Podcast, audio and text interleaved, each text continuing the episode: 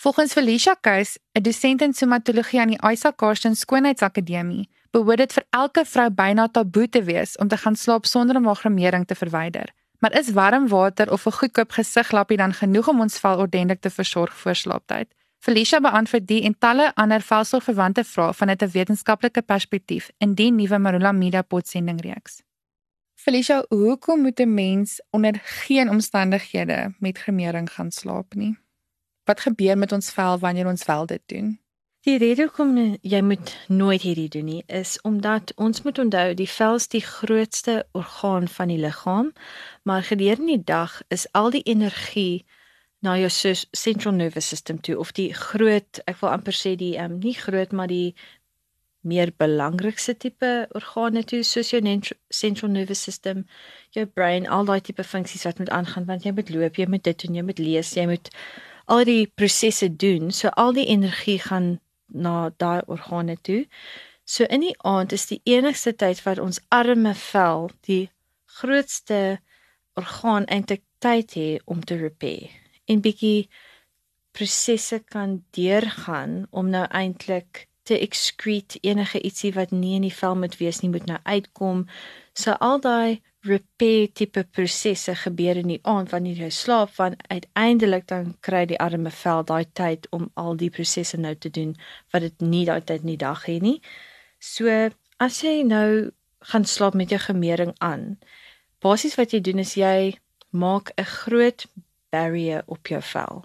So nou kan al daai goedjies wat ek nou vroeër gesê het wat wil nou uitkom soos toxins, uh, ook olie in jou vel, enige ietsie soos dit wat wil nou uitkom, kan nie nou uitkom nie want jy het nou hierdie laagie van gemering wat op is. En dan gaan ook baie oxidative stress op die vel sit. So dan gaan daar gaan meer ehm um, geme op die vel ook wees en dan baie van mense ook, ek weet hierdie is nou bietjie anders, maar dan staan hulle op, hulle was nie regtig hulle gesig nie, hulle gebruik miskien net 'n 'n make-up wipe tipe ding en dan gaan net aan en weer gemering. So daai vel kry nooit die geleentheid om eintlik deur al die natural prosesse deur te gaan wat is so so belangrik vir jou vel. So asseblief, 'n mens moet eintlik daai tyd vir jou arme vel gee in die aand sonder om enige mering aan te hê, want as jy wel dit doen, wat kan gebeur is dit kan uh, veroorsaak aan underlying congestion. So enige um rowwe tekstuur wat jy het van obviously alles is nou daar basies uh, sit vas daar in die vel. So enige rowwer um tekstuur pieces en breakouts gaan jy definitief hê. En soos 'n val tipe kleur soos 'n sallow gelyk of 'n dull complexion as ek dit so kan sê daai val val tipe um gelyk aan jou gesig gaan daar wees. En dan die laaste ding wat maar hierdie is ek wil eintlik sê 'n worst case scenario. As jy nooit jou mascara mooi afhaal en miskien is jy iemand wat hou daarvan om false lashes ook in te sit en jy maak dit nooit skoon, jy kan eintlik luise in jou wimpers kry. En dit soos ek sê is 'n worst case scenario. So dis hoekom dis baie baie belangrik om altyd jou gemering af te was. Frisha, daar's nou natuurlik baie verskillende maniere wat ons ons gremering kan afhaal. Daar is gesiglappies, daar is micellar water, daar is warm water en gesigseep. Kan jy asseblief bietjie elkeen van hulle bespreek en dan ook net in jou persoonlike en professionele opinie sê watter metode dink jy is die beste om jou gremering effektief te verwyder?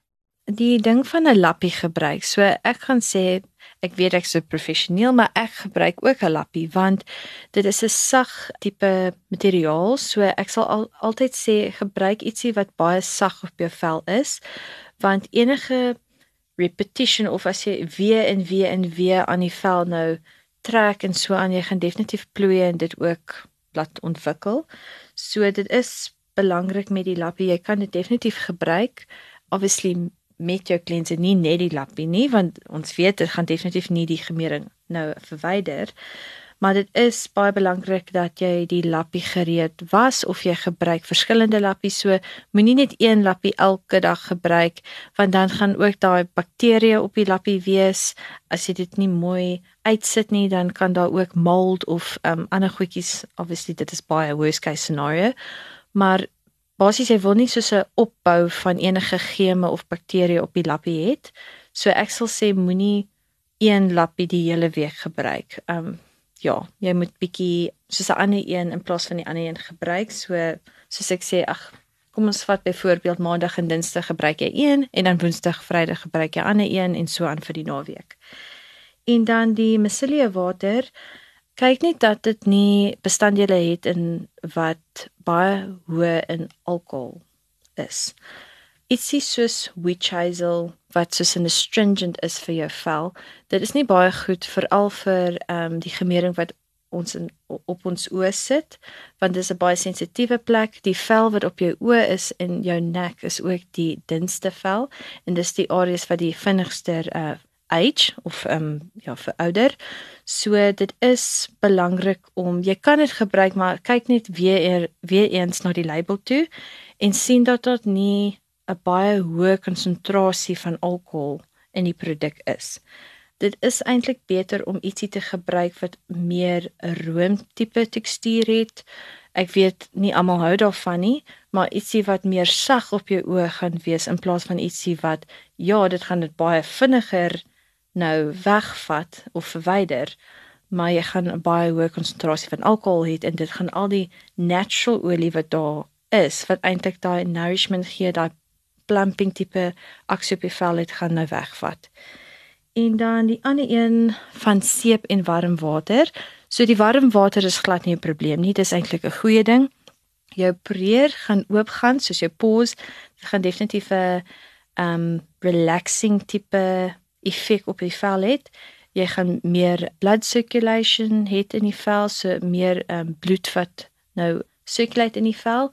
So dit gaan definitief help met enige ietsie wat jy na die tyd gebruik ook in jou rotine wat ons vroeër gepraat het. So die warm water is nie 'n probleem, maar nie baie baie warm water obviously, veral met mense met sensitiwiteit. Dan is dit beter om meer 'n lukewarm tipe 'n water te gebruik en dan die seep of jou cleanser. Hierdie is waarvoor bietjie bietjie praat oor impaired barrier functioning. So ons het in 'n previous episode gepraat van die pH balans en die skaal.